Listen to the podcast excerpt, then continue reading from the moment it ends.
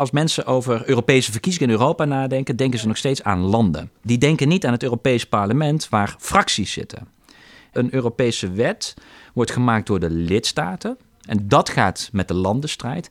En door het Europees parlement. Maar daar zit dus de fractiestrijd. Net zoals je in de Tweede Kamer heb je het ook niet over het Friese belang of het, het Noord-Brabantse belang, maar dan is het CDA, VVD versus GroenLinks, PvdA. Nou ja, die strijd van, van, van politieke kleur heb je in het Europees Parlement. En de verkiezingen gaan dus juist over de politieke kleur van het Europees Parlement. En gaat niet over Frankrijk versus Duitsland. Ja, uh, hallo luisteraars. Je gaat het zo horen, maar uh, Rutger die was dus zo druk bezig de derrière van onze gast van Veren te voorzien, dat hij uh, helemaal vergat zijn naam te noemen. Dus uh, ja, bij deze, onze gast is uh, Bas Eickhout, al een uh, jaar of tien Europarlementariër voor GroenLinks.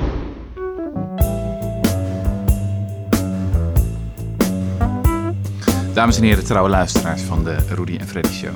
Wij zitten momenteel in de journalistieke werkruimte van Nieuwsport. Naast mij zit de jonge god Jesse Frederik. Dankjewel. Hoe is hij? Ja, goed. Met jou? Ja, goed. Uh, en aan de linkerkant zit de kingmaker. Uh, volgens de Financial Times. De kingmaker van Europa. De correspondent. Uh, noemt hem misschien wel de meest effectieve politicus van Nederland. Dat was ik zelf trouwens. Ja. um, en uh, 7% van de kiezers in Nederland kent je ook. Dat is dan weer wat minder. Ja, dat is um, ruimte voor verbetering. Ja, dus we dachten, dit is een heel mooie gelegenheid om eens even um, de Europese thematiek te bespreken. Nou, zei een tijdje geleden op Radio 1, zei je van... ik zou wel heel graag over Europese thema's willen praten. Ja. Maar uh, ze bellen me niet. Uh, ja, dat klinkt wel een beetje triest natuurlijk. Het is een beetje de, de, de radio lukt nog wel. Ja.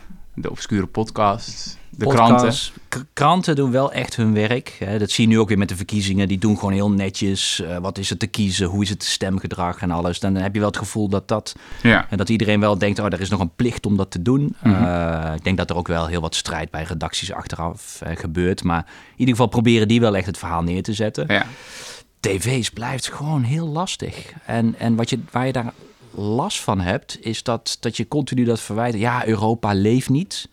En dan doen we het maar niet. Ja, dan zit je een beetje in een soort kip-ei natuurlijk. Oh ja. Het gaat natuurlijk nooit leven als je er niet iets aan bij, uh, bij M zat je dan, ja. toch? Dan is het heel erg... Uh, talkshow is dat. Ja, is een, is een talkshow. Vervangen ja. van DVD of zo, ja. toch? Uh -huh. ja. Ja, ja, ja. ja, dat gaat dan heel erg over van... Uh, ja, mensen hebben geen vertrouwen. De gewone man gelooft het niet of zo. Kunt dus, u daarop reageren? En de dan setting je is bijna altijd negatief, ja. Dus dan ben je... eh, TV heb je ook één minuut. En dan ben je eigenlijk je één minuut kwijt om te zeggen dat het niet zo erg is. Ja, en ja. trouwens, je krijgt ook enorme dagvergoedingen, heb ik gehoord. Ja, heb ja. ik ook gehoord. Ja, ja, ja en wat vind je van dat spotje van Hans Brusselmans van de SP?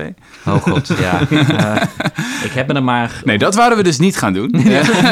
Ons idee was gewoon om, om eens in te zoomen op wat je gedaan hebt in de afgelopen jaren. En ook, uh, je hebt een boek geschreven, Klimaatmanifest. Ja. Lekker kort. Ja. Heel goed. Uh, met allerlei wel, concrete ideeën en plannen. Um, maar ik vond het eigenlijk leuk om eens te beginnen bij wat je al jaren geleden hebt gedaan um, in, in, in Brussel. Dat het akkoord over de, de superbroeikasgassen, ja. het, uh, de F-gassen. Jesse en ik zaten naar die data te kijken en wij sloegen eigenlijk allebei behoorlijk stel achterover. Wat was het? Hoeveel megaton was het ook weer? Ja, dat weet jij denk ik beter. 55. 55. Ja, 55. Dat is echt... Moet het wel helemaal veel. uitgevoerd worden. Ja, ja. Ja maar is... ik bedoel, het hele energieakkoord is minder dan dat. Ja. En jij was een van de drijvende krachten daarachter. Mag ja, ik, ik zeggen, was, de, de drijvende kracht? Ik was de hoofdonderhandelaar van het Europees Parlement. Ja. ja. Ja. Nou ja, dus ik dacht, dan zou je een soort van beroemdheid moeten zijn in Nederland als je dit, als je dit bewerkstelligt. En dan heb je nog niet eens de internationale effecten ervan, toch? Want als Europa zo'n standaard heeft van we gaan dit niet meer doen, dan moet het internationaal vaak Nou ja, nog sterker nog, uh, het is nu mondiaal beleid. Nog wel weer iets afgezwakt, zo werkt dat natuurlijk altijd. Maar uh, we hebben al langer dat Montreal-protocol, wat Ja. uh, gebruikt wordt om de CFK's te verminderen. Dat was het gat in de ozonlaag. En uh, een paar jaar uh, geleden is er mondiaal besloten om ook deze superbroeikasgassen onder het Montreal-protocol te laten vallen. Mhm. En in die onderhandelingen was Europa daar heel erg voor, omdat Europa zelf al beleid had, namelijk deze wet. En wat ik terughoorde was dat men echt zei van ja, dit is eigenlijk alleen maar gelukt omdat Europa al had laten zien dat het kan in een wet. Mhm. Mhm. Dus die Europese wet heeft ervoor gezorgd dat er nu mondiaal beleid op wordt Mhm. gevoerd. Ja. Dus even dat iedereen weet, wat was het probleem? Ooit was er dat ozongat natuurlijk. Ja. En dan zaten in koelkasten en airco's werden, werden CFK's Ja. gebruikt. Dus dat is vooral met chlooratoompjes. Nou, die chloor, dat breekt ozon af, dus dat was niet zo heel handig. Dus toen zijn we naar alternatieven gaan zoeken waarin geen chloor meer zit. En toen kwamen we op fluor. Mhm. En die doet het ook goed. Alleen toen bleek later dat die fluor eh, waterstoffen... dat die een ongelooflijk broeikasgas, broeikasgas effect hebben. Mhm. Dus één molecuul, zo'n één molecuul... je hebt verschillende F-gassen, dat zijn die superbroeikasgassen. Ehm, sommige hebben echt 20.000 keer zoveel effect op opwarming... dan één molecuul CO2. Hm. Er wordt wel veel meer CO2 uitgestoten, dus dat blijft nog steeds de grotere bron. Maar dit is, dit is zo'n mooi voorbeeld van, dit is eigenlijk laaghangend fruit. Er zijn alternatieven, eh er wordt eigenlijk al in geïnvesteerd in alternatieven, dus het kan. Als wij nou gewoon specifiek daar nu beleid op maken, kun je eigenlijk een snelle winst maken. En dat is waarom het Europees gelukt is. En hoe werkt dat dan, zo'n wet? Dus dan, er is, er is afgesproken een Montreal-verdrag. Ja. En daarin zegt iedereen, wij willen dit gaan doen. Ja, Wij willen die HFK's afbouwen en dan?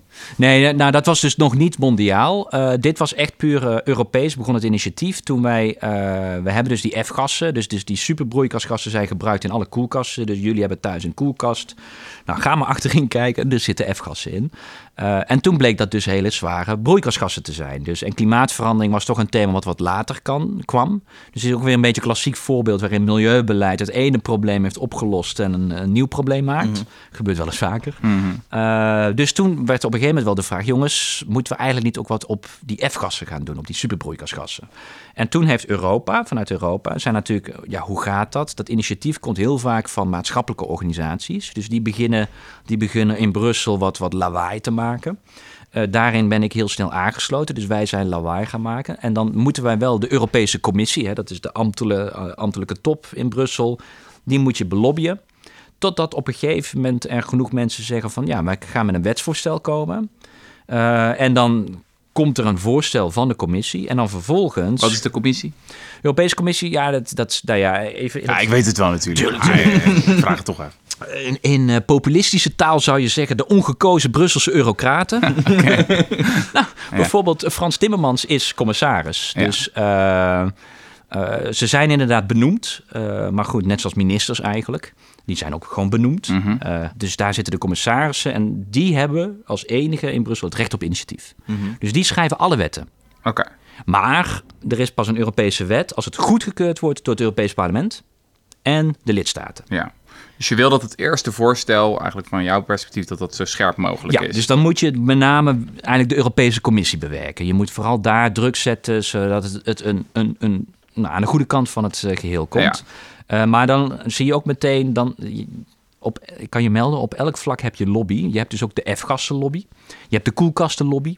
Uh, je wie hebt... vindt dat dan fijn van die F-gassen? Want je zegt het is laaghangend fruit. Wie, wie, wie heeft daar baat bij? Nou, vooral vanuit een milieuperspectief. Dus de, de milieu-NGO's, uh, de maatschappelijke actoren, die zeiden van dit kun je eigenlijk heel snel terugdringen als je beleid voert.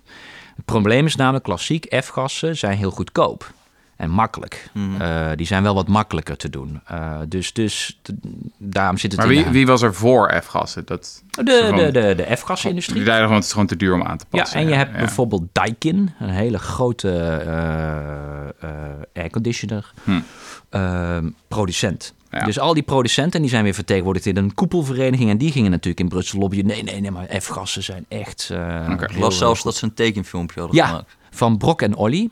Broccoli, leuk hè? Leuk. Ja. ja. Kan je aanraden, zoek het op op internet, Brok en Olly. En die, uh, die uh, waren filmpjes die dus door die, door die industrie waren gemaakt. Die vooral zeiden van ja, het is zo fijn dat wij nog gewoon koelkasten en F-gassen. They are the right tool to do the job. Dat, dat niveau. en, uh, en dat waren hele leuke pratende broccoli filmpjes. Huh. Ja. Yeah. Um, Oké, okay, dus dan heb je een wet ja, die wordt voorgesteld door de, door de commissie. Waar gaat die dan naartoe? Die gaat dan naar het Europees Parlement. Ja. En naar de lidstaten. Tegelijkertijd? Tegelijkertijd. Ja. Dus elk land gaat zich daar dan over buigen. Nou, in Nederland hebben we daar het BNC-fiche voor. Dat is... Uh, niemand weet wat het is, maar in, in de Tweede Kamer weet iedereen dat. Elke Europese wet schrijft de Nederlandse regering een eerste waardering op wat zij er van die wet vinden. En dat doen ze in een BNC-fiche. Dus mhm. dan weet je een beetje, die kun je gewoon, hè, op internet staat dus precies ook het, standpunt van de Nederlandse regering op elke initiatiefwet die van, vanuit Brussel door de Europese Commissie is geschreven. En ik, als Europarlementariër, uh, krijg dus ook die wet. En dan wordt er eerst beslecht wie gaat de hoofdonderhandelaar worden. Dat heet dan in Brussel de rapporteur. Mhm. Eh, en dat is echt, echt de hoogste positie die je kan krijgen op een wet. Mhm. Want dat betekent dat jij als Europarlementariër het eerste reactie gaat schrijven. op hoe word je dat? Ja. ja, dat is een leuke. Ehm, dat is echt met het... Uh, eigenlijk, je zit in een veiling en je gaat... Iedere fractie heeft punten een aantal punten. Dus ik zit in de Milieucommissie en dit is een milieuwet. Dus het komt naar de Milieucommissie van het Europees Parlement. Mm Nou ja, en vervolgens gaat uh, elke fractie gaat kijken welke wetten er op je afkomen en uh, welke groter en alles.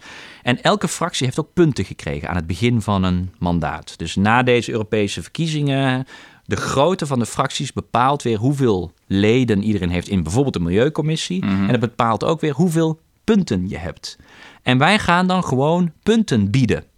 Dus als jij dan zegt, nou, die F-gassen die vind ik eigenlijk wel interessant. Ik bied één punt. Dan zeggen de christendemocraten die groter zijn, helaas nog steeds. Die zeggen, nou, wij bieden twee punten. Het is gewoon bieden. Hm.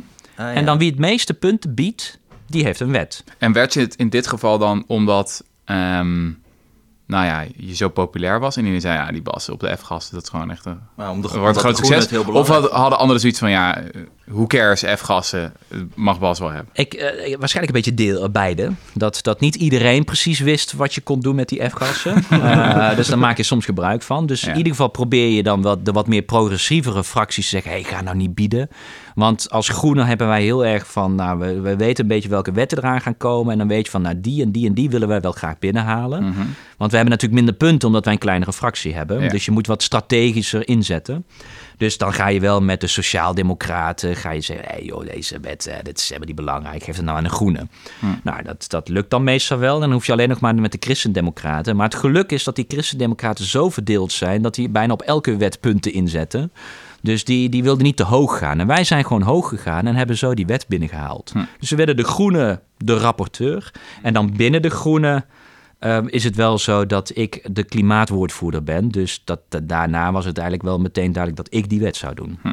Dus dan ben je hoofdonderhandelaar. Nou, dan ga je je reacties schrijven. En wat je dan natuurlijk doet, is de wet heel erg scherp vergroenen. Veel hm. ambitieuzer maken daardoor dat de industrie zenuwachtig werd en broccoli-filmpjes ging maken. Dat mhm. was pas toen het parlement echt wel iets te veel naar, uh, naar, uh, naar groen ging hellen, zeg maar.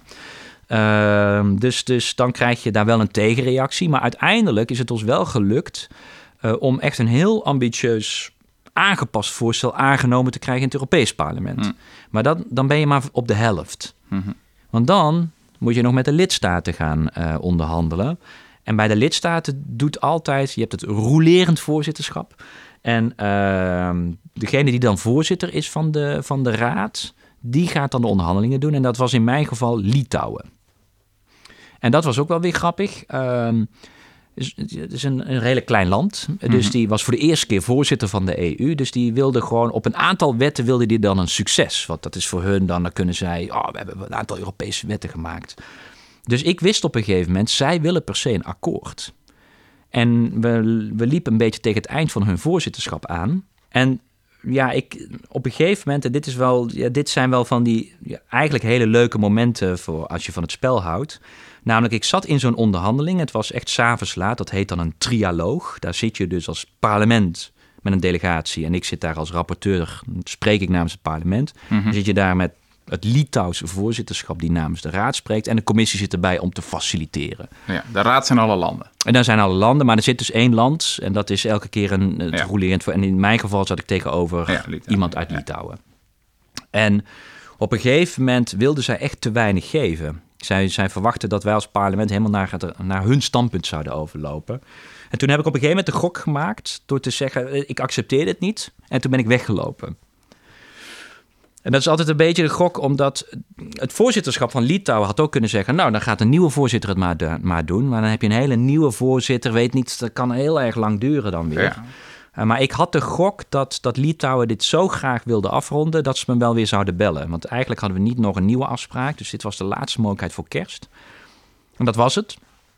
En dat was best wel spannend hè, als je daar dan een, het een beetje theatraal uit weglopen. Dat is onacceptabel. Mm Je loopt weg. Um, en vervolgens, eh, dat weet ik nog heel goed, de na, dat was op een donderdag en dit werd een maandag daarna, liep ik op het stationplein van Den Haag. En werd ik gebeld door, door de ambassadeur van Litouwen. Die zei van, ja, we willen het toch nog wel een keer doen. En toen zei ik natuurlijk, ja, maar dan moet jullie mandaat wel wat beter worden. Want als jullie hetzelfde bieden, gaat er geen deal komen. Nee, nee, dat begrijpen wij. Er komt een beter mandaat. En nou, dan hebben we nog net eentje voor kerst ingepland. En dat is een deal geworden.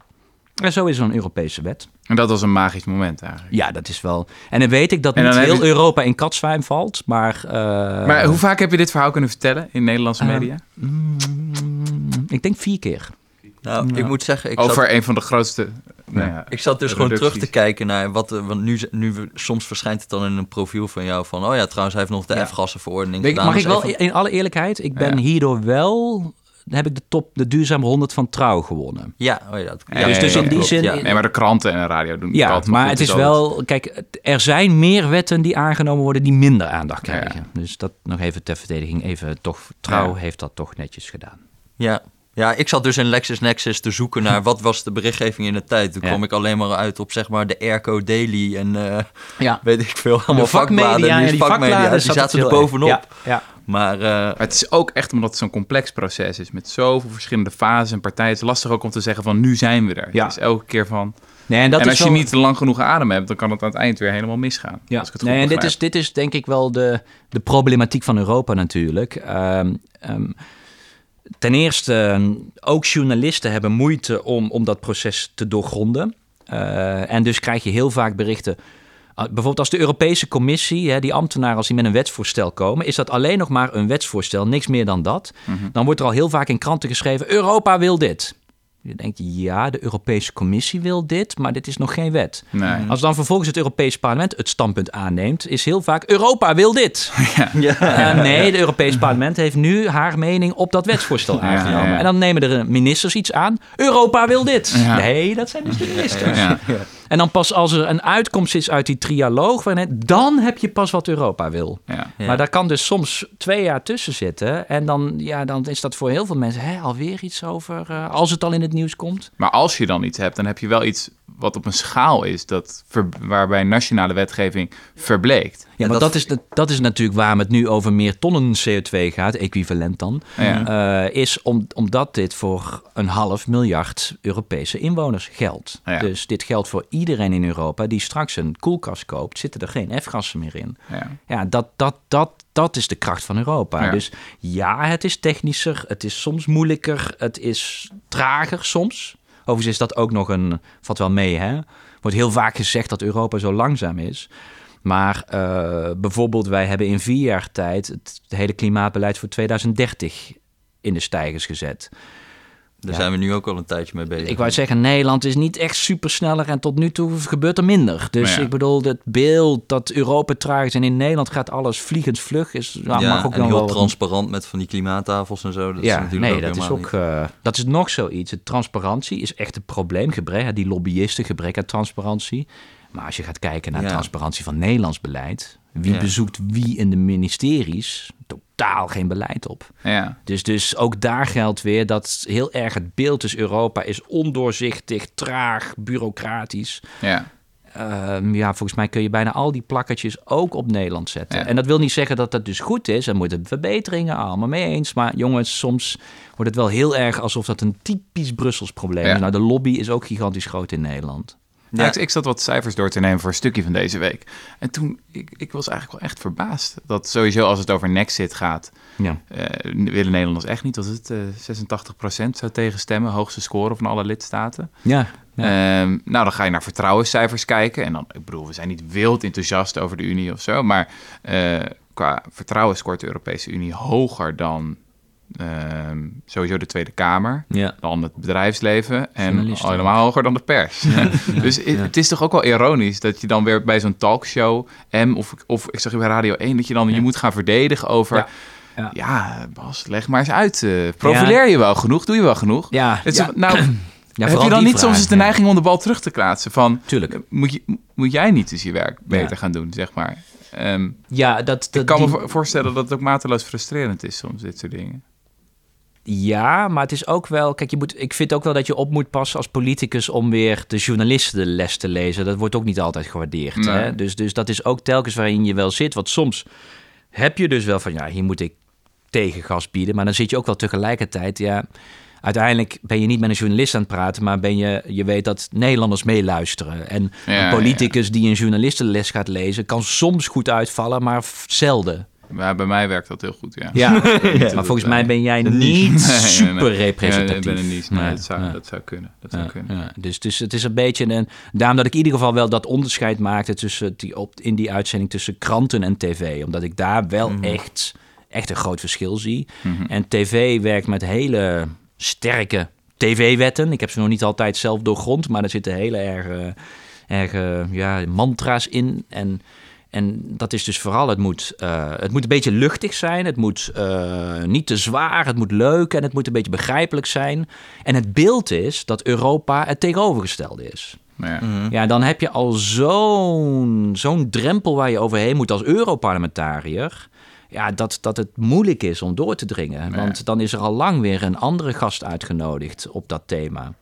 Krijgt ook heel vaak van die reportages die een soort uh, Europees parlement safari zijn of zo. Van, ja. We komen eens even kijken. Ja, nog wat, is die, wat is die zaal leeg? Weet je wat ze bij de Jinek deden? was gewoon, oh, de Europese uh, verkiezingen leven nog niet. En toen gingen ze naar de Tweede Kamer. Ja. En daar Tweede Kamerleden interviewen van het leeft nog niet of zo. Ja, whatever. het is zo zelfvervullende profetie. Nou ja. Um, vrachtwagens. Dat is wel vet. Dat is wel vet. Ja. Vertel. nou, dat was deze periode. Uh, is het mij gelukt om uh, deze wet te krijgen. Dus eh, CO2-normen voor vrachtwagens. die waren er nog niet in Europa. dit is ook weer de kracht van de lobby. De vrachtwagenproducenten hebben eigenlijk decennia lang gezegd: ja, is niet nodig voor vrachtwagens. Kijk, bij auto's zijn er al langer CO2, is er al langer CO2-beleid. Uh, maar bij vrachtwagens gaat het niet om hoe mooi die is, zoals het bij auto's wel is. Uh, maar gaat het erover dat die vooral zuinig is. Want elke transporteur wil natuurlijk zo zuinig mogelijk mhm. producten transporteren. Daarom is er geen beleid nodig, want die markt die zorgt er wel voor oh, dat wij uh, zo zuinige vrachtwagens hebben. Het is een klassieke hè, markt, laat de markt het oplossen. Je hoort het de VVD ook gewoon meteen naapen. Hè? Je hoort het de VVD zo zeggen. Dat deden ze dus ook heel lang. Uh, totdat eigenlijk bleek dat, dat in Amerika, zelfs de Verenigde Staten, was er al beleid op CO2 op vrachtwagens. In Japan, in Canada, China was het ook. En Europa niet. En dat wij dus ook echt slechter scoorden op uh, vrachtwagens. En dat je dan ook ziet dat de innovatie minder gebeurt in Europa. Want als jij beleid maakt en jij wil een, jij wil een zuinigere vrachtwagen... en jij dwingt die, die producenten om het zuiniger te maken... ja, dan gaat zo'n producent dus denken... oh shit, dan, dan moet ik in nieuwe technologieën gaan investeren. Mhm. Nou, innovatie. Dada. Dus uiteindelijk was er genoeg druk om te zeggen: jongens, we hebben beleid nodig op vrachtwagens. En uh, dit was weer zo'n wet waarvan wij als groenen zeiden: die willen wij wel. Hm. Dus uh, wij hebben punten gespaard en hebben die wet uh, gewoon weten binnen te tikken. En toen mocht ik dat weer doen, want het was weer een klimaatwet. Dus ja, dan mm -hmm. komt het redelijk snel bij mij. En heb ik dus namens het Europees Parlement ook de vrachtwagens mogen uitonderhandelen. Want wat is nu de norm? Wat is het geworden? Het is geworden dat in 2025 de CO2-uitstoot voor uh, het, het wagenpark van een fabrikant moet 15% teruggedrongen zijn. Uh, dat is nog niet super strak. Uh, dat, dat zou je nog wel met, met het efficiënter maken van de dieselmotor kunnen doen. Maar in 2030 moet het 30% zijn, reductie. Mm -hmm. En dat haal je niet meer met een diesel. Nee. Uiteindelijk weten wij dat er meer moet gebeuren. Maar ja, dit, dit overleg je natuurlijk, ik bedoel, dit verzin ik niet zelf. Dus er zijn er dan allerlei analyses, zowel van de Europese Commissie die doet analyse, maar ook gewoon allerlei partijen die ook aan de groene kant zitten. Dus ook weer vaak uh, milieupartijen. En op transport zit er een hele goede in Brussel, Transport and Environment. Een hele goede club. En die had wel zoiets van, jongens, als we dat voor 2030 weten te krijgen dan ga je niet meer halen met het efficiënt maken van een diesel. Dan zul je echt, dan zul je echt moeten gaan investeren in een andere technologie. Nou ja, dat kan elektrisch. er zijn nu dus ook al de eerste elektrische vrachtwagens. Maar waarschijnlijk voor die echte grotere vrachtwagens, die echte, de echte hè, de tientonners, zul je waarschijnlijk meer richting hm. waterstof moeten. Maar dat schrijven wij niet voor. Wij zeggen gewoon, er moet een nul uitstoot komen. Hm. Modellen. Ja, want je had ook een norm van 2% nul ja, dat is voor 2025. Dus daarbij hebben wij een, een CO2-reductiedoelstelling. Mm Waarvan wij weten, die kan nog wel met diesel behaald worden waarschijnlijk. Maar daarom hebben we daar bovenop een, een doel voor uh, nul uitstoot uh, vrachtwagens van 2%. Is nog heel beperkt. Maar Wat goed, 2%? Dus dat 2% van de van vrachtwagens... Van wagenpark moet een nul uitstoot hebben. Oh, die moeten ze gaan maken? Ja. Oké. En, dan leert je ervaring dat dat gewoon heel snel. Ja, en wat je dan dus ook doet in zo'n wet is zorgen dat er in 2022 een review zit. Omdat ik vrij zeker weet. Review. Een review. Dat betekent gewoon dat. Het ongelooflijk hoe die eurocraten praten. Ja, typisch. Echt, uh... Maar volgens mij, jij hebt wel eens wetenschap gedaan, toch? Of niet? Dan doe je ook wel reviews. Nee, nee, dat doen jullie niet. Ik spreek voor het volk. dus uh, review is gewoon een herziening van de wet. Die moet je dan ook wel in de wet afspreken. Mhm. En daarin hebben we dan opgenomen dat we dan het 2030-doel nog een keer tegen het licht gaan houden en gaan aanscherpen. Hm. Dus je hoopt eigenlijk op heel veel innovatie. En dan 2022 zeg je in één keer, nou, dit gaat zo hard, laten we er nog even een paar De ervaring leert dat wij in 2022 waarschijnlijk een beetje lachend kijken naar het gevecht dat wij nu hebben gevoerd voor het 2030-doel. Ja. Ja, ja, ja, ja. ja, dat is wel de verwachting, omdat dan gaan die partijen op een gegeven moment, oh, wacht even, dan moeten wij dus gaan investeren. Dan gaan zij daar geld op inzetten en dan zie je dat die technologie harder gaat dan nu gebeurt. Dus de, de industrie zegt altijd: oh nee, kan niet, niet doen, onmogelijk, je kilt ons. Hè. De, ik heb al heel veel industrieën gekild, als ik de lobby moet geloven. Mhm. Eh, en, en dan in de praktijk zie je dat ze dan gedwongen worden te investeren. En vervolgens gaat het harder dan... dan en zeggen ze dan achteraf ook wel eens bedankt, Bas? Of dat nee, krijg je nou dat is dan toch zelden. Dat, dat bedankt, maar ik denk, je moet niet in de Europese politiek voor bedankjes gaan. okay. Dat geldt meer in algemene zin waarschijnlijk. Hoeveel megaton is dit? Uh... Ja, dat was ik even, dat, dat, dat heb ik niet paraat, zo 1, 2, 3. Dat kan ik nog later even sturen, maar okay. dat, uh, ja. En uh, de komende periode, ja. dan zat te denken dat dat emissiehandelssysteem, dat is nog niet in lijn met Parijs. Dat zal vast daarin, zou daar iets moeten worden gedaan. Wat is emissiehandelssysteem? Oké. Ja, leg het anders even uit. Ja, ja het is heel, uh, het is uh, zeg maar, uh, we willen natuurlijk het alle efficiënties om CO2 gewoon een prijs te geven. Ja. Uh, nou, dat kun je op verschillende manieren doen. Er wordt natuurlijk heel makkelijk gesproken over CO2-belasting. Dat is natuurlijk het, het meest recht toe recht aan. Uh, klein leuk Europees feitje. Um, belastingen mogen wij nog niet regelen, Europees. Want eh, anders superstaat. Nou, je kan mm -hmm. alle, krijg allemaal filmpjes.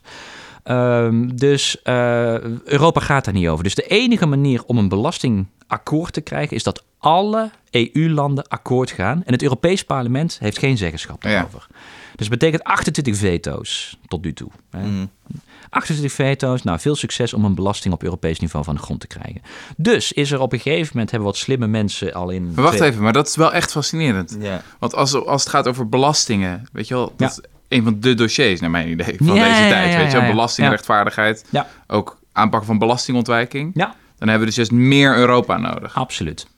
En ja, nee, ik krijg allemaal, altijd als de SP een voorstel heeft, dan tweeten ze weer naar mij en dan bellen ze mij weer van Rutger wil je steunen. Ja. En dat vind ik altijd sympathiek. Maar ik zou er wat maar dan hebben we ook Europa nodig. Op dus. Europees vlak zou ik wat terughoudend zijn dan, dan ja. ja. En dat, dat komt omdat uh, dit, een grote meerderheid in de Tweede Kamer is ook tegen ook dat Europa iets meer op belastingen gaat doen. Ja. Uh, sterker nog, om even heel eerlijk, er worden stemmingen over gaan. De enige partijen zijn D66, PvdA en GroenLinks. Alle andere partijen zijn tegen. Want belastingen is nationaal. Met als gevolg dat op elk belastingdossier of het is wel eens voorgesteld, maar het ligt muurvast in Brussel. Energiebelasting, financial transaction tax mm. is voorgesteld. Plas, plastic, plastic, allemaal. Uh, Vliegtax. En die CCCTB? Uh, die. Ja. Dus, uh, ja, CCCTB. Terwijl dat interessant want dat bleek uit die peiling, is dat, dat als je vraagt naar Nederlands, aan Nederlanders ja. van Waar wil je dat? de IT-tech-giganten ook vast. Van wat wil je dat de EU meer gaat doen? Dan is klimaatverandering het thema, maar ook thema's als, als belastingontwijking en, coördineren. Um, bijvoorbeeld zoiets als, als vliegen of zo. Door je heel vaak van ja, waarom hebben we, is, is er geen belasting op kerosine? Waarom is er geen BTW op vliegtickets? Dat moet je toch Europees regelen? Ja. zijn thema's, ja, dan moet je Ja, toch, nee, maar dit is, maar in de Tweede Kamer is dit dus meteen afgeven van soevereiniteit, no way. Oké. En dit is niet alleen in Nederland, dit zie je bij heel veel landen. Dus uh, wat denk ik goed is, is dat wij dat nu heel erg ook bewust thematiseren. Mhm. Van jongens, want wat bijvoorbeeld de vennootschaps, de winstbelasting. Die is in Europa, het gemiddelde niveau voor Europa lag rond de eind jaren 90 rond 35 procent. Dus bedrijven die gemiddeld Mhm. niveau van 35, die ligt nu rond de 22 procent. Ja. En het gaat nog steeds. Ook dit kabinet heeft de winstbelasting weer verlaagd. Ja. Waarom? Omdat elk land aan het concurreren is met elkaar. Het probeert het bedrijf naar het land toe te trekken. Nog een lager tarief. Ja. In Nederland wilden we ook nog iets. Wilde het kabinet ook nog iets met een dividendbelasting. Ja. Eh, Nee, dus je kan al- beter gewoon zeggen, klaar, iedereen gewoon, weet ik veel, 20% Zorg- ja, ophouden zorg met nou deze dat je een Europees minimum tenminste Die hebt. hebben we, 12,5. Eh, nee, Er is een Europees minimum voor vennootschapsbelasting. Nee, maar daar kun je allerlei manieren onderuit komen. Want de- er zijn lagere eh, belastingtarieven in eh, Europa. Oké. Ja, dus dat is. En dit is nog het officiële tarief, hè? En dan heb je daar innovatieboxen. En dan vervolgens heb je de innovatieboxen en alles, waardoor dus het effectieve tarief nog lager is. maar Ja. we begonnen met de emissie. Ja, ja, Ja. nee, maar dit is belasting. Belasting is een thema dat mij aan het hart gaat. Ja, jij hebt daar iets dus. mee, heb ik wel Ja. eens gezien. Maar, ehm Dus er is dus, een geen belastingen, we gaan iets anders doen. Eh, ja, dus, emissiehandel. dus eh, belasting wordt heel lastig. Dus wat je ook kan doen, is door te zeggen... ehm, wacht even, je kan ook rechten gaan afgeven aan bedrijven. Zoveel mag je eh, uitstoten. Mhm. Eh, dus eigenlijk het wezen wat je dan doet... is belastingen bepaal, zet jij als politiek de prijs vast... en dan bepaalt de markt hoeveel er uitgestoten wordt. Want Mhm. dat bepaal je dan niet. Met emissiehandel bepalen wij hoeveel er uitgestoten mag worden. Je zet gewoon een plafond, dus je hebt een aantal rechten... en dan laat je het aan de markt wat de prijs wordt. ja. En, en dat is eigenlijk de facto wat emissiehandel is. Alleen, dat is natuurlijk ook weer belobbyd. Dus wat is er gebeurd, is dat op een gegeven moment allerlei bedrijven, staalbedrijven, Tata Steel bijvoorbeeld, eh, die heeft gezegd: ja, maar wacht even, dan gaan wij straks CO2-prijzen betalen voor onze productie en Chinese staal niet. Daar moeten wij dus voor geholpen worden. Met als gevolg dat wij heel veel gratis rechten zijn uit gaan geven. Dus alle grote industrie krijgt al die rechten gratis. Dat noemen ze dan nooit. Hè. Dus je ziet nu een Nederlands debat over een CO2-heffing. En dan hoor je Tata zeggen, ja, maar we hebben al emissiehandel. Nou, dan is al één punt dat ze niet vertellen... dat ze een groot deel van die rechten vanuit Europa gratis krijgen. Dus eh, veel bedrijven hebben tot nu toe winst gemaakt. Omdat ze het al wel in de prijs hadden meegenomen, die CO2-prijs. Maar ze kregen het gratis, dus dan maken ze winst Ah, met, lekker. met emissiehandel. Ja, het bedrijven zijn slim, zoals jij weet. Ehm, dus wat doet Tata Steel? Die gaat eerst in Brussel lobbyen om eigenlijk de hervorming van het emissiehandelssysteem... wat wij probeerden strenger te maken, dat tegen te houden. Om dan vervolgens hebben ze daar een redelijk succes. We hebben wel weer... De prijs is eigenlijk van 5 euro per ton CO2 naar 25 gegaan door de hervorming. Dus een, een verbetering. Maar het is nog, dat is, ja, dat is goed. Maar ja, als je van nul komt, ga je snel relatief Ja, omhoog. Eh, maar je zult voor ja, implementa- implementatie Parijs zul je echt minstens het dubbele moeten hebben. Dus we zijn halverwege. Nou, het is ons halverwege gelukt. Maar daarom is het zo goed dat je nu dan bijvoorbeeld in Nederland de discussie hebt van... zullen we niet een CO2-heffing bovenop emissiehandel doen? Want dan gaat Tata Steel ineens denken: oh, wacht even, ik heb dan liever dat dat in heel Europa wordt ingevoerd. Want anders heb ik er alleen in Nederland last van. Dus Tata Steel, die eerst in Brussel lobbyde tegen hervorming van emissiehandel, zal waarschijnlijk door een CO2-heffing in Nederland daarna in Brussel gaan lobbyen om te zeggen: kunnen we dit Europees regelen? En dan heb je ineens Tata Steel mee om het emissiehandelssysteem weer strenger te maken. Ja, dus eigenlijk wat jij zegt, een soort politiek-economische argument. Ze gaan dan in ieder geval ervoor zorgen dat in Europa beter gaat werken. Ja.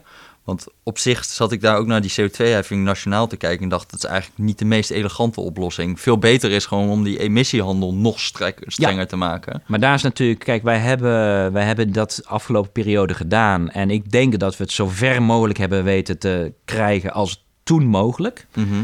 Eh, dan zit je trouwens politiek altijd op het moeilijke moment. Gaan we dan uiteindelijk de hervorming steunen of niet? Omdat je weet, het is onvoldoende, maar het is wel een verbetering. Nou, dan moet je, dat is eigenlijk een van de lastigste politieke keuzes. Wij hebben uiteindelijk wel voorgestemd, omdat we wel zoiets hadden. Ook omdat je heel veel onderdeel bent geweest van die verbetering. Dat je wel denkt, ja, we hebben hier ook allerlei partijen meegekregen. Eigenlijk in het centrum geprobeerd dit te doen. Ja, dan wil je uiteindelijk ook wel gaan zeggen, nou, dit is ook wel ons succes, dus stemmen we voor. Maar je weet dan al, het is onvoldoende. En daarom, en dat heb ik toen al gezegd, toen we die deal hadden, heb ik gezegd: eh, ja, hartstikke mooi, maar je gaat nationale initiatieven krijgen. omdat dit onvoldoende is. Dus je zal landen krijgen... Kon je niet een review inbouwen? Die zit er ook in. Die zit erin. tuurlijk, tuurlijk. Eh, maar, maar uh, dat, moet toch ook sowieso zijn met dat toch, want het is nu niet in lijn met Parijs, dus er moet nog iets gedaan ja, maar dit worden. Is fascinerend. Zeg het in lijn met Parijs. Oké, Parijs moet je 55% geloof ik. Nou, in ieder geval uh, ligt er een beetje aan hoeveel zeker je wil zijn dat het. Hè, bij opwarming moeten we beneden de 2 graden houden, maar als je echt zeker wil, we hebben ook een doel ingezet. We nou we streven naar beneden anderhalve graad. Als je mhm. een beetje zeker wil zijn dat we beneden anderhalve graad, dan zou je nog veel meer moeten doen. Dus ook dat is weer een politieke afweging. Hè? Maar het is zeker zo dat uh, nu wel een discussie is om meer zekerheid te hebben om beneden die 2 graden te komen, moet je naar min 55 procent. En nu is koers we op, op min 43 is, toch? Ja, binnen emissiehandel. Maar dit is de totale economie. De helft valt onder emissiehandel, dus de mhm. industrie. De andere helft valt niet onder emissiehandel. Dus dat is landbouw, transport, uh, huizen. Vliegverkeer. Mm ja vliegverkeer.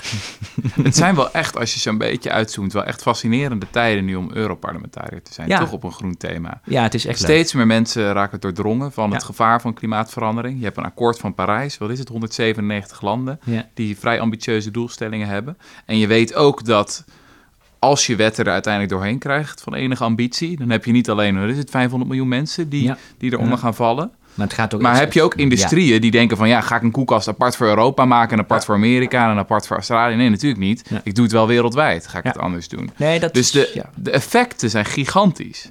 Ja, nee, het is. Het is en nou is het ook nog dat, de, dat de conservatieven en de christendemocraten geen. Zeg ik dat goed? Nee, de uh, sociaaldemocraten. De sociaaldemocraten, sorry. En de christendemocraten geen meerderheid meer, meerderheid meer hebben. Nee, dus. Dus, dus nou krijg je ook meer een positie van macht. Waarschijnlijk na deze verkiezing. Ja, dat is wel wat, wat wij nu al zien. Is dat die. Ja, want luisteraars denken misschien van. Ja, klinkt allemaal heel saai wat die, uh, wat die meneer Eickhout zegt. maar ik probeer het al minder saai Het is fucking bruut.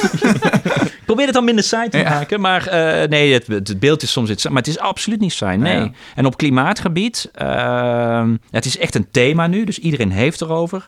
Door het Parijsakkoord worden landen ook gedwongen er iets aan te doen. Uh, nou, we zien op de straten mensen er ook echt voor... Hè, eh, dat elke week nu ongeveer zitten de scholieren daarvoor te staken. In elk land. Dus dat is echt wel, ja, het thema is gigantisch hoog op de agenda nu. Mhm. En je weet, de komende vijf jaar hebben we nog een hele hoop thema's waarvan, waar we dus aan moeten. Hè? Dat is die C2-prijs, luchtvaart, landbouw, uh, genoeg uh, sche uh, treinen, schepen. Alles dat, komt dat valt mij ook enorm op dat er eigenlijk nu in één keer best wel veel nou, niet, ik wil niet consensus, maar over ambities is er niet, is niet een gebrek of zo. Heel veel, heel veel best wel grote, dat mensen zeggen, ook Nederlands in het ja. regeerakkoord staat, we willen die 55% bijvoorbeeld. Ja. Alleen om dat nog te vertalen in beleid, daar dat wordt de, grote hele strijd. tijd. Ja. Zelfs hier met allemaal heel veel van die gemeenten die zeggen, we willen, willen zelfs in 2030 al helemaal ja. gaan. Ja, dat gaat niet hoe lukken. dan? Maar dat, dat hoe dan plus, is er heel veel uh, nog niet. Ja, plus, en dat gaan we natuurlijk echt ook zien, en wie gaat ervoor betalen? En dat wordt wel de politieke discussie van de komende vijf jaar. En daarom is belastingen zo belangrijk.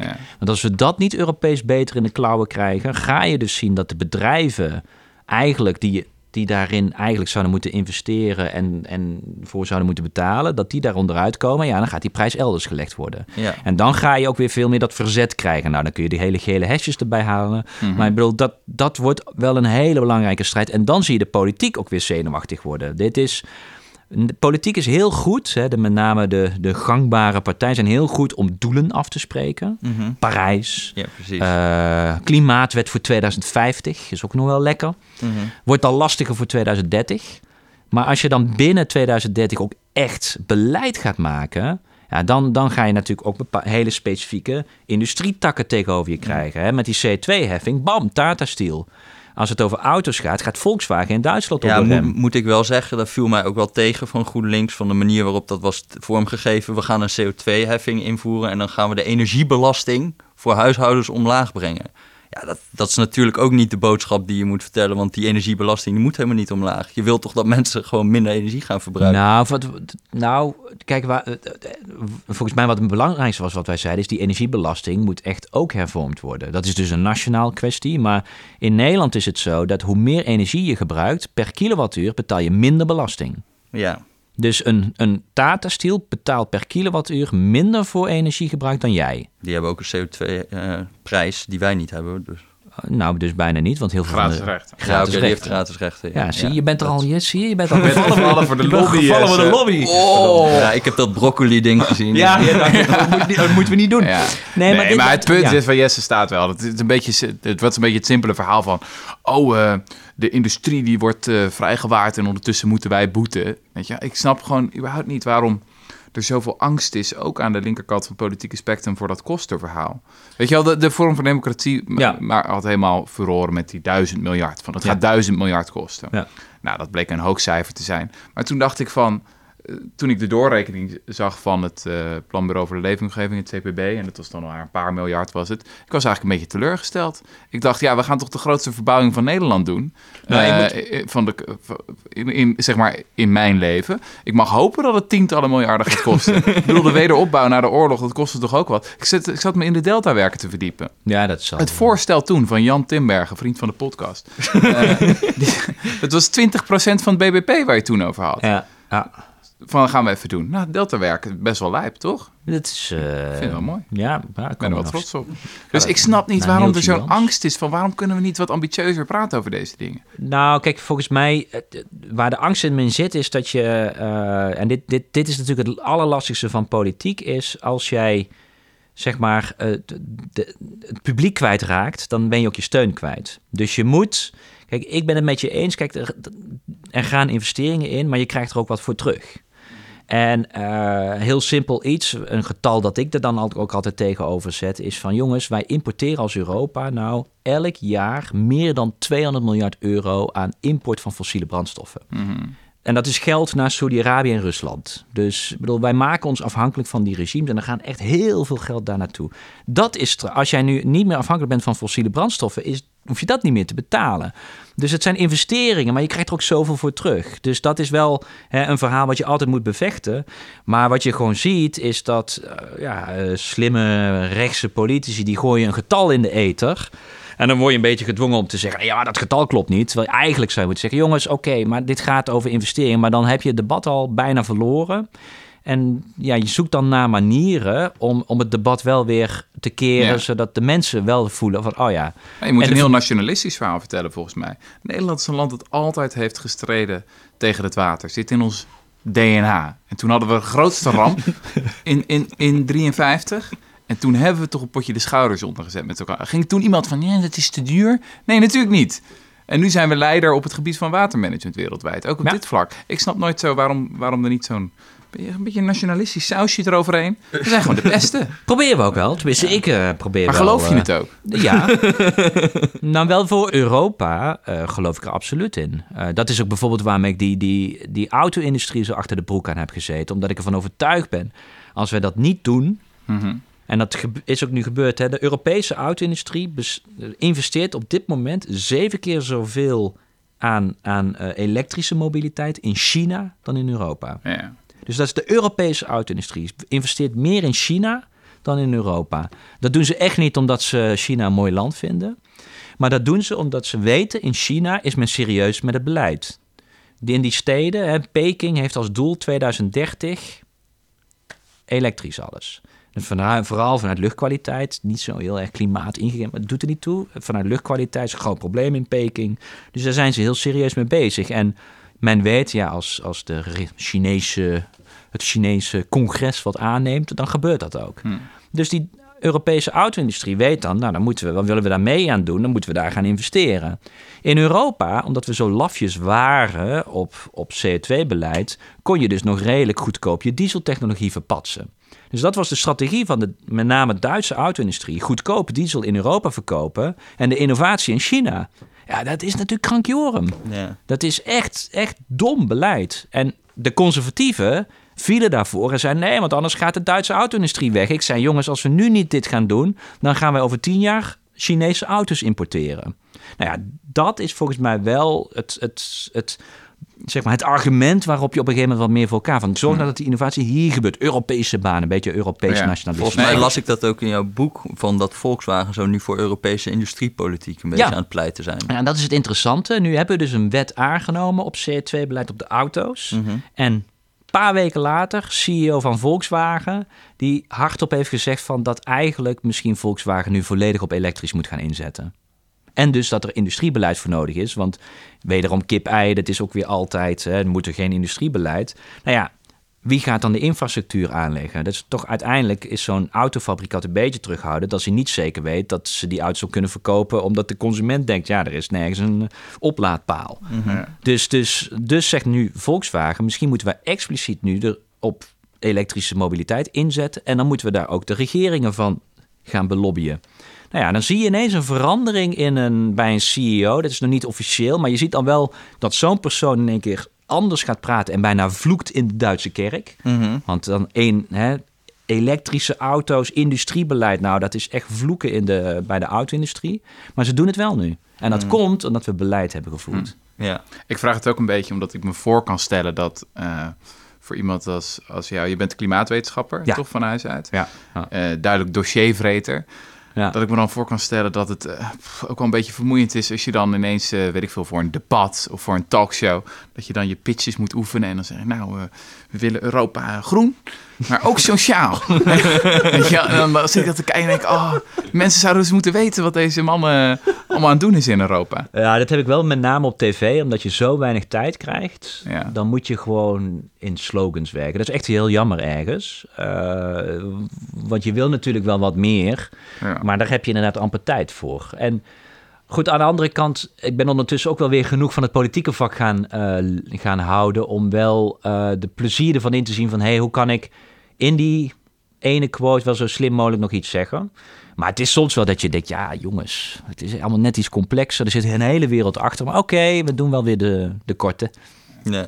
Ik vind het ook heel leuk. Je hebt, je hebt die Bellen met Bos podcast. Ik weet niet of iemand daar naar luistert verder. Nou, ja, nou, het is voor de liefhebbers, zeg we altijd maar. Ja, ja. Ik vind het heel mooi. Dan wordt er zo gebeld. Nou, enerverend weekje. Dat, uh, hè, Bas? Dat wordt altijd gezegd. Ja, enorm. Nee, ja, uh, Roemeense, uh, Roemeense autoriteiten, dit en dat. En dan gaat dan 20 minuten lang monoloog over allemaal dingen dat ik denk, zo, dat, uh, dat zit er diep in. Ja. ja. Maar het lijkt wel alsof daar veel passie zit in ieder Ja, maar het is ook echt leuk. Uh, wat jij net zei, Rutger, het, het, Europese politiek is op dit moment ongelooflijk interessant. Er gebeurt heel veel. En je moet inderdaad vechten tegen dat beeld dat het saai is en, en dat je niks voor elkaar krijgt. En ja, ja dat is soms frustrerend, omdat je altijd weer over dat hobbeltje heen moet. En dan ga je natuurlijk naar manieren zoeken, omdat je ook wel weet, er is ook wel behoefte aan een ander geluid. Nou, dan ga je via je eigen kanalen, kan je iets meer ervan laten horen.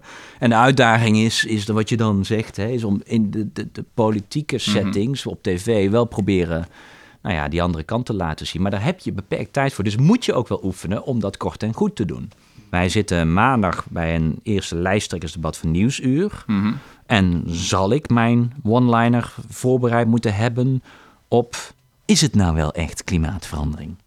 Komt het door de mens? Oh, ja. ja, dat is heel dan, vermoeiend. Dan Gaan ze dat serieus doen bij uh, Nieuwsuur? Ja, maar ik sta tegenover Dirk Epping van Forum voor Democratie. Dus ja, die gooit dat erin. Ja, dat is verschrikkelijk. Nou, dan weet je dat ik daar... Ik weet nu alweer dat ik de televisie niet aan ga zetten. Dan moet ik daar... Ja, en dat, kijk, want je kan namelijk niet zeggen... Ja, daar ga ik geen antwoord op geven. Dit is zo'n oud debat. Ja, dan ben jij de arrogante lul. Ja. En terecht, want dit is toch uiteindelijk, hè, ook weer uit een peiling, ongeveer een derde van de Nederlanders zitten toch met deze vraag. Ja, nou dan moet je toch ook daar wel een antwoord op hebben. Alleen het punt is, dan moet je dan wel in een hele korte tijd moet je een antwoord aan geven, terwijl daar natuurlijk al een decennia lang klimaatdebat achter zit. Oh ja. Nou, ja, dat is pittig. Ja. Laatste vraag. Oké. Tenzij er nog veel hebt, yes. Nee, volgens mij uh, niet.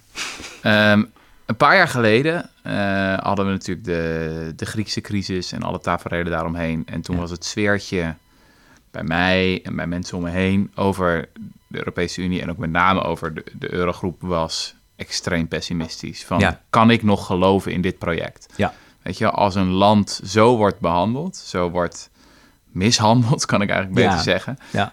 Uh, toen, ik, ik, zal, ik kan ook nog een stuk van jou uh, herinneren waarin je ook, ook heel pessimistisch was. Als het zo moet. Uh, en schreef van als het zo moet, dan is, de ontmanteling van de euro de enige optie, was, was een citaat van je. Ik had zelf een stuk van in, de, in dit Europese project begin ik mijn geloof te verliezen. Ja. Um, maar ik vind het ook wonderlijk, want als ik nu teruglees, dan denk ik, oh, dat is ook wel lang geleden. Voor mijn gevoel is dat ook, het staat weer ook erg ver van me af. De sfeer is wel weer veranderd. Omdat je ook meer begint te realiseren dat misschien met name de urgentie van klimaatverandering. We hebben helemaal niet de luxe om een geloof te verliezen in samenwerking. Nee, dus, dus, dus ik heb zelf ook niet het geloof in die samenwerking verloren, maar wel, en dat is nog steeds wel een beetje, de euro. Als je gewoon kijkt naar de situatie nog steeds in Griekenland. Mhm. Ja, die, daar hebben we het nu minder over, maar de, de werkloosheid daar, uh, de, de, zeg maar, hoeveel mensen zorg gewoon niet kunnen betalen, mhm. is nog steeds verschrikkelijk. En in die zin is het minder, eh, is het minder in het nieuws. Maar toch, dan wil ik er toch nog even een politiek punt van maken. Ehm, wij hebben toen, wij, Europa, Europese elite, heeft toen gezegd bij die Griekenland-deal... oké, jullie moeten nu ongeveer jezelf helemaal kapot bezuinigen en alles doen. Maar als jullie dat doen, gaan wij schuld kwijtschelden. Nou, de Grieken hebben zichzelf kapot bezuinigd. Ja. Dus die hebben braaf zijn door dat hoepeltje heen gesprongen dat Jeroen Dijsselbloem ze voorhield. Ja, operatie geslaagd, patiënt overleven. Juist. En nu zie je dat ze wel aan het opkrabbelen zijn, maar elke econoom zegt je ja, maar wel met een veel te diep dal. Hè? Want dat zeggen mensen, zie je, het helpt, ze krabbelen op. Je, uiteindelijk krabbelt iedereen een keer op, maar we hebben ze wel ongelooflijk diep laten zinken. Mhm. Eh, maar nu, stelling in de stemwijzer, mag, hè, we gaan de schuld van Griekenland kwijtschelden bijna alle partijen nee. Dus de belofte die wij toen hebben gedaan, gaan nu partijen zijn te scheiterig om nu te zeggen, ja, dat hebben we beloofd. En Griekenland heeft hierop geleverd. En wij gaan nu onze belofte leveren. En wij gaan dus een deel van die Griekse schuld kwijtschelden. Mm Die discussie gaat nog een keer terugkomen, want de Grieken hebben gewoon die belofte gekregen. Dus die gaat echt een keer terugkomen. En uh, dan gaan allerlei partijen natuurlijk nee zeggen, terwijl ze wel allemaal dat Grieken akkoord hebben ondertekend waarin dit zit. En dat laat nog steeds zien dat die Europese samenwerking ongelooflijk wankel is, omdat helaas er te veel partijen in Nederland alleen maar voor Europese samenwerking zijn als, als het volgens hun boetedoeningsverhaal gaat. Hmm. En dat is ook weer nu waar we heel positief deze week, omdat CDA, hè, Wopke Hoekstra, schijnt in één keer de grote held te zijn. Maar dat verhaal ja, is iets euro-positiever, dus er zit een mooi sausje overheen. Maar daarachter zit nog gewoon dit keiharde CDA-verhaal in. En uh, ja, dus de toon is anders, maar dan moet nog iets meer veranderen dan alleen die toon. Hm. Of heb ik je nu weer depressief gemaakt? Of Beetje. Wat Laten we het over klimaat hebben dan. Wat ga je nu doen? Ik ga nu zo naar... Uh, de one-liners oefenen natuurlijk. Ja, ik ga me... Uh, Groene gaan we sociaal. Groen sociaal, ja. Wat op zich ook nog steeds klopt, hè. Dus het is op zich... Nee, uh, ik snap dat jij denkt, oh jezus, wat een, wat een one-liner. Maar uiteindelijk is het wel een verhaal... Nee, het zit een beetje te plagen. Het zit er, ja, maar het vat het op maar het is, wel een op, het is wel een op, oprechte frustratie. Die, die, nee, je herkent, je herkent de... Als je kijkt naar dat soort grote akkoorden... van bijvoorbeeld F-gassen of vrachtwagenindustrie... dan is het diep tragisch natuurlijk. Dat dat je weer iets moet gaan zeggen over nee, klimaatverandering is wel echt. Ja. En dat 7% van de Nederlandse kiezers je kent. Terwijl uh, buitenlandse kranten uh, vaak meer geïnteresseerd zijn. Ja, ja. ja. dat is dat zo. heeft iets tragisch. Dat, maar nu heeft de Rudy en Freddy Show een immense impact. Ik het zeggen, maar dat wordt... Dus dat het zou zomaar kunnen dat echt de komende weken wordt echt een rollercoaster Ik denk dat we nog een keer een peiling moeten doen. Uh, zit ik al in de dubbele cijfers. Ja, dat denk ik. wel, uh, dus dank daarvoor. Uh, nee, ik ga, vanmiddag ga ik naar Brussel, want ik doe nog steeds mijn spitsenkandidaat. Dus het is Dag van Europa. Oh ja. Ja, vergeet het niet, jongens. Dag van Europa. Oh ja. Oh, wat, is, wat is Dag van Europa en wat is spitsenkandidaat? 9 mei 1950 ja.